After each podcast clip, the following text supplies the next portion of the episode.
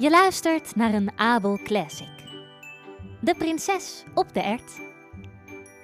Er was eens een prins die heel graag een prinses zou willen vinden. Maar het moest wel een echte prinses zijn. Hij reisde de hele wereld over om er een te vinden. Maar overal kwam er iets tussen. Prinsessen waren er genoeg, maar of het echte prinsessen waren, daar kon hij nooit helemaal achter komen. Altijd was er iets dat niet helemaal in de haak was. Dan kwam hij weer thuis en was erg bedroefd, want hij wilde graag een echte prinses hebben. Op een avond brak er een verschrikkelijk onweer los.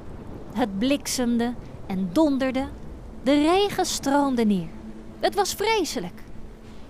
Toen werd er aan de stadspoort geklopt en de oude koning deed open. Het was een prinses die buiten stond. Maar lieve hemel, wat zag ze eruit door de regen en het noodweer. Het water liep uit haar kleren en haren. Bij de punt van haar schoen liep het erin en bij de hiel er weer uit. Ze zei dat ze een echte prinses was. Ja, daar zullen we wel achter komen, dacht de oude koningin, maar ze zei het niet hardop.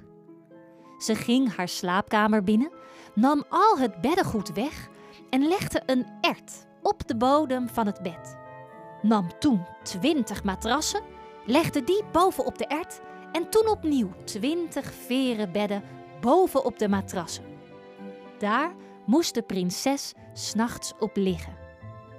S'morgens vroegen ze haar hoe ze had geslapen. Oh, verschrikkelijk slecht, zei de prinses. Ik heb de hele nacht bijna geen oog dicht gedaan. De hemel weet wat er in mijn bed lag.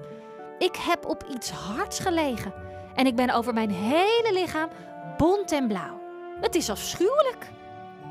Toen konden ze zien dat het een echte prinses was, omdat ze door de twintig matrassen en de twintig veren bedden heen de ert gevoeld had zo'n tere huid kon alleen een echte prinses hebben. De prins vroeg haar ten huwelijk, want nu wist hij dat zij een echte prinses was. De ert kwam in het museum te liggen, zodat het bewijs voor altijd goed bewaard zou blijven. Bedankt voor het luisteren naar een Abel Classic.